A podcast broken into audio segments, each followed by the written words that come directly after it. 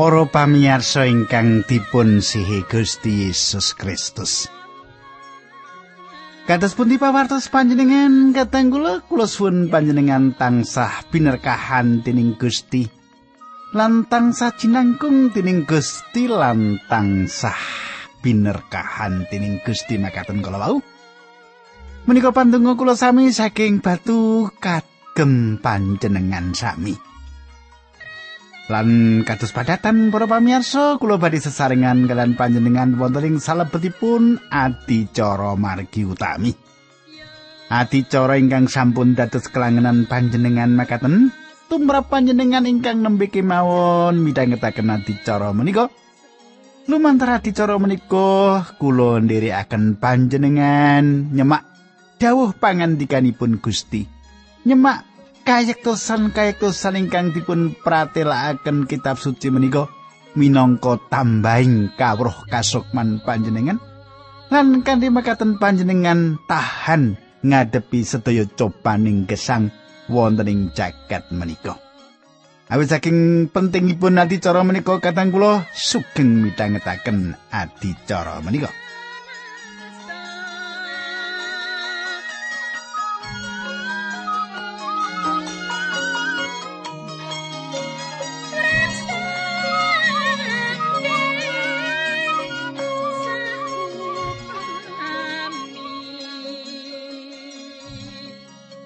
Para pamirsa ingkang kula tresnani, saya menawi kula badhe ngaturaken sekedhik menapa ingkang kula andharaken duk pepanggihan kepengker wonten ing pepanggihan kepengker kula sampun ngrampungaken nyemak kitab Ester. Kula sampun ngrampungaken nyemak kitab Ester lan panjenengan sampun ngatosaken menika. Lan wekdal menika pasinan kita lumebet ing kitab Ayub. Lumebet ing kitab Ayub awit saking menika kados ingkang kula aturaken pepanggen kepengker panjenengan sampun nyawisaken kitab menika lan saged mbikak ing kitab Ayub. Nanging saderengipun menika monggo kita tumungkul kita ndedonga langkung rumiyin. Duh Kanjeng Rama ingkang ade dampar wonten kraton ing kasuwargan kawula ngaturaken gunging panuwun. Menawi wekdal menika kawula saged tetunggilan kalian sederek-sederek kawula ingkang setya tuhu midhangetaken adicara menika. Kawula nyuwun supados Gusti berkahi adicara menika supados status kegiatan supados status panglipuran sederek-sederek kawula menika linambaran asmanipun Gusti Yesus Kristus kawula ndedonga. Haleluya. Amin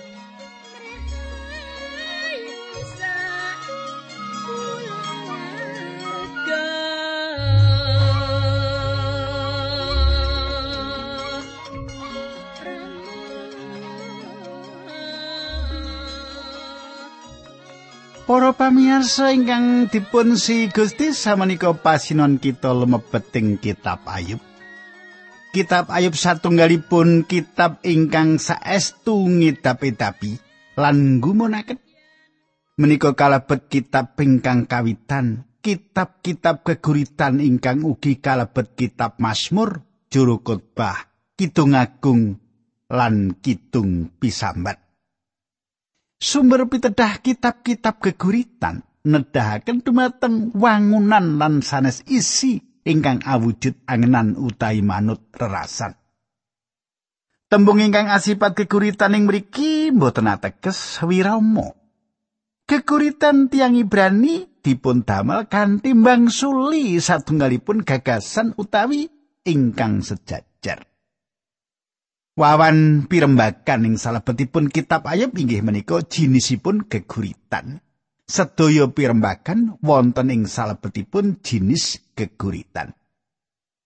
Katang kula priyantun ingkang nyerat Ayub mboten dipun mangertos. Wonten ingkang sanjang menawi ingkang nyerat menika Nabi Musa. Ingkang sanesipun sanjang bila ingkang nyerat menika Isra, Soleman, Ayub, Piyambak lan Elihu. Elihu dipun sebataken ing kitab menika dados panglipur ingkang mrehatosaken Ayub. Gagasan bilih Elihu ingkang nyerat kapirsani saking Ayub tigang dosa kalih ayat 16 ngantos pitulas ingkang meratelaken makaten. Kowe mung padha ngadeg blangkemen Apa aku mung kudu ngenteni nggonmu wis ora bisa guneman? Ora, saiki aku ndak kondo panemuku arep ndak wedharake. Kadang kula ingkang sinerat menika mboten ing salebetipun pirembagan nanging priyantun ingkang nyerat menika mratelakaken pikiranipun piyambak kanthi tembung aku. Salajengipun pirembagan menika dipun ringkes lan Elihu ingkang celatu. Menika nedahaken bilih Elihu ingkang nyerat kitab Ayub menika satunggal malih ingkang ndutut manah kitab menika inggih menika kita mboten mangertos taun pinten Ayub gesang. Kita ugi mboten mangertos wonten pundi Ayub gesang. Ingkang kula mangertos, Ayub menika mapan wonten ing Us nanging jujur kemawon kita mboten mangertos papanipun Us menika wonten pundi. Kita mboten saged netepaken wonten laladan pundi ingkang kedah kita gatosaken wekdalan papan ingkang penting sanget kanginipun kitab-kitab sanes nanging ing kitab Ayub menika mboten wonten. Nah, panjenengan sakit ningali menika menapa panjenengan sampun nate nyemak kitab Ayub menika? Para pamirsa kula gadah pamangke pilih kitab Ayub menika dipun serat ing jaman bapa leluhur bangsa Israel. Saged ugi pilih Ayub menika tepang kalian Yakub. Kasunyatan pilih kitab Ayub boten meratelaken bab-bab angger-angger Musa utawi menapa-menapa ingkang dipun serat kitab pangentasan menika nedahaken bilih kitab menika dipun serat saderengipun kitab pangentasan. Ing mriki kula badhe ngaturaken kenging menapa kula ngaturaken bilih kitab Ayub menika dipun serat saderengipun kitab pangentasan. Satunggal panjangipun gesangipun Ayub. Umuripun Ayub menika panjang. Ayub kawan sekali ayat 16 lan pitulas sak pungkuri lakon sing kasebut ing dhuwur mau. Ayub kaganjar umur 140 tahun meneh nganti menangi putu-putu lan buyut-buyute. Bekasane Ayub tinggal donya bareng umure wis akeh banget. Katang kula. Kita mangertos bila ing jaman bapa leluhur bangsa Israel tiang umuripun panjang kados Ayub. Ingkang angka kalih Ayub atindak kados Imam Agung ing salebetipun keluarga. Awit boten dipun sebataken bangsa Israel utawi kalenggahan imam ingkang sanes cetha kitab menika wonten saderengipun bangsa Israel dados satunggal bangsa. Kaping 3, Elifas menika tedhak turunipun lare mbajengipun Isau. Iki jenenge para anake Esap, Elifas anake Ada, Somae Esap, Rehuel anake Basmat, Somae Esap. Purwaning 3.6 ayat 10. Purwaning Tumeti 3.6 ayat 10. Kasunyatan menika anda desaken Ayub gesang ing jaman Yakub gesang. Kadang kula, kitab menika ugi satunggalipun wujud filsafat ingkang ageng. Kata perkawis ingkang timbulan dipun rampungaken ing salebetipun kitab menika. Satunggal Kitab Ayub meratelaken perkawis kekayutan kenging menapa tiang leres menika nandang kasangsaran. Kulo saestu-estu kedah ngaturaken bilih kitab menika maringi satunggal saking kata jalanan kenging menapa. Tiang leres menika nandang kasangsaran. Kula mboten pitados bilih menika satunggalipun wucalan utami saking kitab Ayub menika sinaosa wonten kathah ahli kitab suci ingkang ageng ingkang gadah pemanggih kados makaten. Cetha nggih? Nah, kula lajengaken ingkang angka kalih. Ingkang angka kalih. Babagan kathah perkawis ingkang timbul lan dipun rampungaken ing salebetipun kitab menika.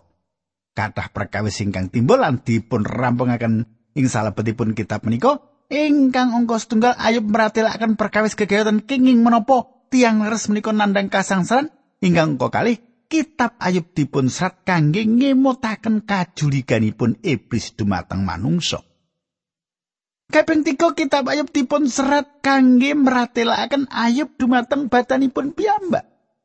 Kaping sekawan, kitab ayub mucalaken kesabaran. Yakobus meratelaken kowe wis padha krungu bab sabar mantepe Rama Ayub. Yakobus gangsal ayat 11. Menapa Ayub menika tiyang kang sabar? Angel sanget kangge nyemak kados pundi Ayub gadah awatek sabar. Kita badhe nimbang perkawis menika ing wekdal kita dumugi ing pungkasaning saking kitab menika. Kaping gangsal kula gadah pamanggih tujuan utami saking kitab Ayub inggih menika kangge ngucalaken bab pamratobat. Menawi panjenengan boten nyaruju ing wekdal samenika, terus panjenengan mirengaken pasinon kita menika ngantos dumugi pungkasan kitab menika lan panjenengan sagep ngringkes piyambak. Panjenengan semak kadang kula ing wekdal tiyang gadah kekajengan rembagan utawi nyerat gegayutan pamratobat. Tiang-tiang kula tansah ngetrepaken watek wantu tiang ingkang cikal bakal gesangipun kebak dosa. Upaminipun tiang-tiang badhe nuting Manase, Ratu Yehuda ingkang awon piyambak lan boten tepang Gusti Allah. Kita sinau Raja Manase ing salebetipun kitab-kitab sejarah perjanjian lami lan kita ningali kados pundi raja menika mertobat. wonten ugi Saul saking Tarsus mengsah anggenipun Gusti Yesus Kristus ingkang nate gesang. Piyambakipun mertobat. Wonten ugi Fransiskus saking Asisi tiang tedak turunipun priyantun ingkang balilo ing jamanipun lan piyambakipun mertobat. Katang kula. Gusti Allah saged kemawon damel tiang mertobat.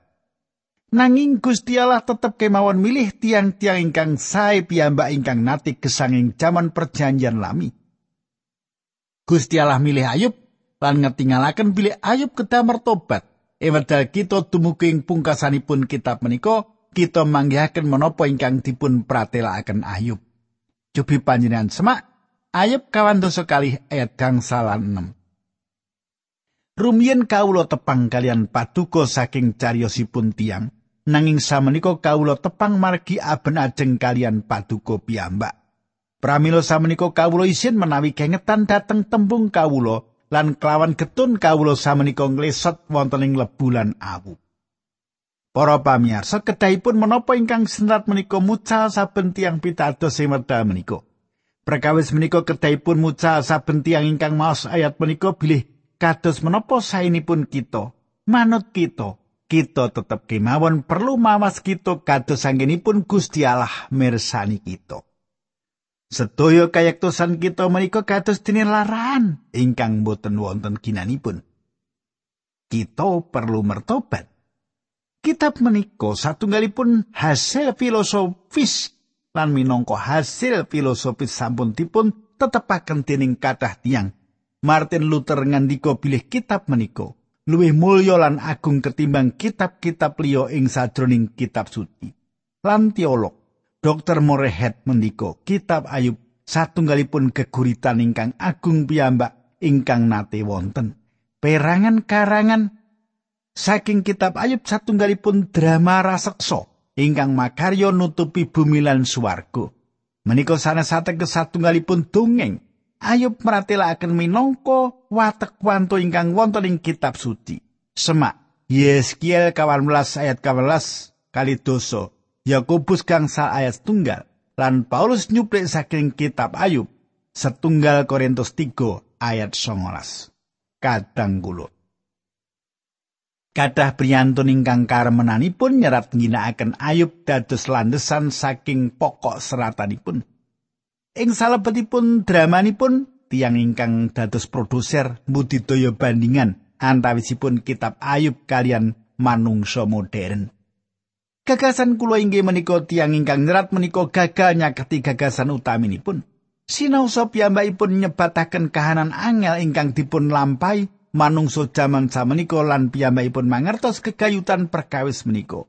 Kula gagas tiang menika mboten patos tepang sinten to Ayub menika lan tujuan utaminipun saking kitab Ayub menika. Drama ingkang dipun serat kegayutan anggenipun Ayub nglokro lan ugi pengajeng-ajeng manungsa modern nanging ing sawijining bandinganipun boten gayuh sasaran. Katang kula Kitab Ayub meratelaken sinten to sejatosipun Gusti Allah menika. Ugi meratelaken bilih kitab menika meratelaken boten manggihaken kalepatan panjenenganipun panjenenganipun sanget unggul ing salebetipun kayektosan lan tetep teguh ing kayektosanipun ing ngajengipun tiang-tiang ingkang wonten ing sakiwa tengenipun. Ayo prumaos bilih ing ngersanipun Gusti Allah gesangipun yaktos Sayektosipun Ayub gadah kekajengan swaning ngarsanipun Gusti Allah kangge mbela badanipun piyambak. Nanging wedal piyambakipun badhe nindakaken mbelani badanipun piyambak ing ngarsanipun Allah menika manggihaken bilih badanipun piyambak kedah mertobat. Kadang kula Kitab menika sanes satunggalipun keterangan bab tiang modern sinaosa kanthi cara kados pundi kemawon. Dokter jiwa meratelaken bilih perkawis manungsa jaman samenika inggih menika ibu-ibun boten resnani piyambakipun kados dene ingkang pariketahipun manut kula. Perkawis ingkang lepat ing generasi menika inggih menika bilih ibu boten nyambut damel saawrat kados ingkang pariketahipun nanging ing salebetipun karya produser kala wau dipun cariyosaken bilih ibu lan bapak sampun boten mertuli lari jaler lan lari setrinipun. Samenika kula ngakeni bilih wonten satunggal kayektosan ing salebetipun drama menika lan saged ugi menika satunggalipun perangan saking perkawis kala wau. Nanging kita mboten saged ngalihaken kalepatan menika dumateng tiang sanes. Manungsa modern nampik dipun tampi kalepatan atas kekiranganipun, anggenipun mboten saged lan dosanipun. Piyambakipun malah budidaya nglepataken tiang sanes tiang menika mboten purun nampi tanggal jawab kangge badanipun piyambak tanggal jawab atas menopo ingkang dipun tindakaken kadang kula. Samenika wonten panjenenganipun ingkang nanggal sedaya dosa kita. Ngantos panjenengan lan kula mangertos bilih kita menika tiang dosa lan kedah mertobat dumateng panjenenganipun. Kita namung masrahaken kalepatan dumateng panjenenganipun. Kita gagas satunggalipun kalepatan ingkang gegirisi menawi sedaya kalepatan saking dosa-dosanipun manungsa menika dipun tanggungaken dumateng ibu-ipun. Patrap menika kadang kula satunggal patrap ingkang gegirisi nanging inggih ingkang kados makaten menika ingkang kita panggihaken ing jaman samenika. Manungsa modern saestu-estu wonten ing salebetipun kahanan ingkang angel lan tiyang menika saestu nglokro ing gesang. Tiang menika nglepataken dosanipun dumateng tiang sanes lan piyambakipun boten nampeni panglipuran ingkang dipun padosi. Koso wangsulipun piyambakipun ngupengi badanipun piyambak ganti barang-barang lan kadonyan. Para pamiyasa. Kula nate mireng wonten tiang kakung papan pati lemanipun dipun sukani selangkung tombol. Kanthi tombol-tombol menika piyambakipun saged ngesangaken lampu ing sedaya papan ing griyanipun. gadah bel kangge lawang ingkang saged mbikak lan nutup ngesangaken lampu ing griya Jawi sedaya dipun tindakaken saking papan pati lemanipun kula mboten nate ningali ingkang kados makaten menika. Kanggenipun tiang menika. Menapa ingkang dipun gadahi andadosaken raos aman ingkang ngidapi-dapi. Kathah ing antawisipun kita nindakaken ingkang kados makaten menika. Saben kita gadah kemul kangge raos aman kita. Lan kita singitan ing sangandhapipun kemul menika. Nanging perkawisipun kalian manungsa modern inggih menika pilih tiang menika mboten gadah Gusti Allah ing salebeting kesadaranipun. Piyambakipun mboten mangertos bilih wonten sang juru wilujeng ingkang saged dipun sowani. Kadang kula menapa ingkang kula aturaken ing ngajeng temtu benten kalian Ayub. Ayub saestu mangertos Gusti Allah lan piyambakipun pitados dumateng panjenenganipun. Kasunyatan bilih Gusti Allah ngidinaken gesangipun katempuh pancoban kados ingkang badhe kita tingali lan tundonipun nuntun Ayub ing ngarsanipun. Gusti Allah mlejeti Ayub saking sedaya raos amanipun kangge nuntun piyambakipun dumateng panjenenganipun. Manungsa modern ingkang dipun lebetaken ing salebetipun pancoban malah wonten ing salebetipun masyarakat ingkang gadah daya pengaruh. Kajawi sadaya urutan patrap lan panglipuran gesang, ayo bebas saking sedaya rancangan lan wonten sainggiling kajenging tengahipun samudra ingkang jembar lan piyambakipun boten mangertos ing pundi piyambakipun mapan lan dateng pundi piyambakipun badhe kesah. Perkawis menika radi ngajri-ajri dados katut-katut ayub kombal kampul wonten ing tengahing seganten. Para pamirsa sayektosipun, kahanan menika maksud yang supados menggalih bilih ing satunggalipun papan wonten satunggal priyantun. Kita gadah satunggal kitung ing wedal menika ingkang meratelaken kangge nyancang panjenengan supados cepengan dumateng manungsa saking Galilea. Menika sampun saestu caket, nanging kita tasih kemawon kecalan perkawis ingkang penting piyambak bilih manungsa modern kedah sowan dumateng panjenenganipun minangka tiang dosa lan kedah nampi panjenenganipun minangka juru wilujeng jaman samenika tiang rembak babakan komitmen utawi niat janji. Menapa to sejatosipun komitmen menika? Panjenengan boten saged namung sanjang Gusti Gusti lan gadah pengajeng-ajeng panjenenganipun kangge dados Gusti lan guru panjenengan. Gusti menika kedah dados juru wilujeng panjenengan. Panjenenganipun sampun sedo kangge panjenengan menawi panjenengan boten wiwit gesang kalian Gusti Yesus sing kajeng salib. Panjenengan boten badhe wiwit gesang kalian panjenenganipun wonten ing pundi kemawon. Kadang kula Kulo sampun nelasaken wekdal naliti perkawis menika awit kulo pikir perkawis menika penting. Ayub gadah kesadaran kegayutan pangayunanipun Gusti Allah ing salebetipun panandangipun. Piyambakipun sanes tiyang ingkang tanpa cepengan ing salebetipun pangertosan bilih manungsa modern boten gadah cepengan. Menapa ingkang boten saged dipun mangertosi Ayub inggih menika kenging menapa Gusti Allah ngidinaken piyambakipun lumebet ing salebetipun pancoban. Ayub boten mangertos bilih piyambakipun perlu mertobat ngantos Gusti Allah wonten sesambetan kalian piyambakipun. Monggo kita nyemak ayat setunggal ayat setunggal. Kecerita ing tanah usana wong jenenge Ayub. Ayub kuwi wong sing ngabekti marang Allah lair terus batin, wong sing luhur budine lan ora tau gawe piolo. Kadang kula tanah us ingkang mapanipun ing satunggalipun laladan ing timur tengah nanging pasipun boten dipun mangertos wonten pundi papanipun. Ahli sejarah Yosefus nyukani satunggal gambaran sekedhik kegayutan tanah us menika ing purwaning dumati sedoso ayat kali likur ngantos tiga likur us dipun sebat minangka larinipun Aram salah setunggal lari Sem ing purwaning dumati sedoso ayat kali likur ngantos tiga likur Hus utawi Us inggih menika lare mbajengipun Nahor ingkang tasih sederek jaleripun Abraham Yosefus sanjang dumateng kita Bileus inggih menika ingkang ngedekaken kita kino Damsik.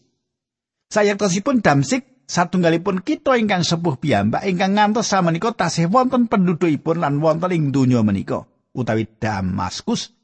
Dados kula pikir kita saged sanjang bilih Ayub manggen ing gurun pasir Syria. Kadang kula segara wedi ingkang sami satunggalipun paparing pundi Gusti ngutus Rasul Paulus kangge nglampahi. Panggulawentanipun Gusti Allah Gusti Allah nyekolahaken lan nglatih kathah saking para muridipun ing segara wedi menika.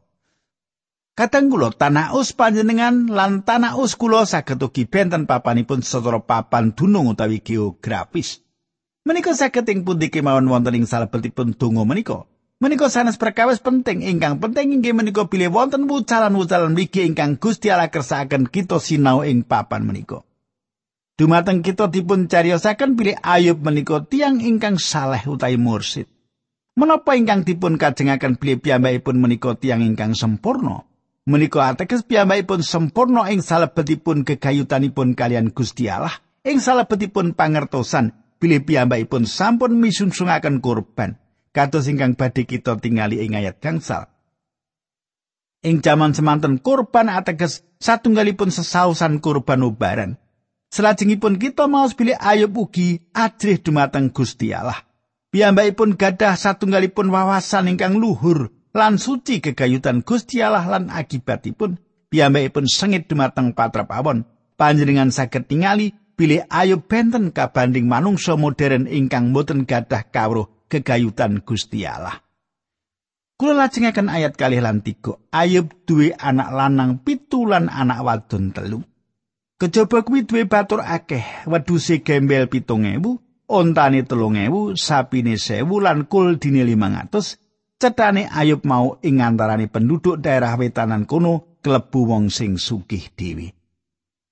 Kadang kula Ayub gadah sedasa lari. Piyambakipun saestu sugih lan gesangipun ing salebetipun kamewahan lan samekawis saestu gampang dipun panggihaken. Piyambakipun gadah unta kathah ingkang kadatosaken kangge angkutan. Menawi jaman samenika saged ugi gadah usaha ing bab transportasi utawi angkutan. Piyambakipun ugi gadah bagal kathah ingkang susunipun saged dipun pers. Nanging sedaya ingkang dipun rasaken ayub mboten badhe kula rasaken. Cetha bilih tiyang ingkang naminipun ayub menika gesang ing satunggalipun kahanan ingkang sekecolan mewah. Perangan pungkasan saking ayat 3 nedahaken bilih piyambakipun menika satunggalipun tiang ingkang dados pengusaha ingkang kasil. Ayat sekawan, anak-anak lanang ayub gawe ning anakake pesta gentenan ing omahe wong pitu mau Ing pesta kono sedulur-dulure wadon ya padha diulemi, kabeh banjur padha mangan lan ngombe bebarengan. Para pamirsa, panjenengan semak lari-lari dipun ayub menika gesanging kamewahan, sarwa becik lan sedaya ingkang dipun panggihaken saestu gampil nanging panjenengan katosaken piling tengahipun samekawes kalubiran lan gampang dipun panggihaken menika wonten raos ajrih ing salebetipun manah ayub. Para pamirsa kula sikek semanten rumiyin kalajengaken sanes wekdal kita ndedonga rumiyin. Duh Kanjeng Rama ing swarga kawula ngaturaken gunging panuwun menawi wekdal menika kawula saged tetunggilan kalian sederek-sederek kawula ingkang setya tuhu midhangetaken adicara menika. Berkahi kanthi pangandikan menika linambaran asmanipun Gusti Yesus kawula ndedonga haleluya amin.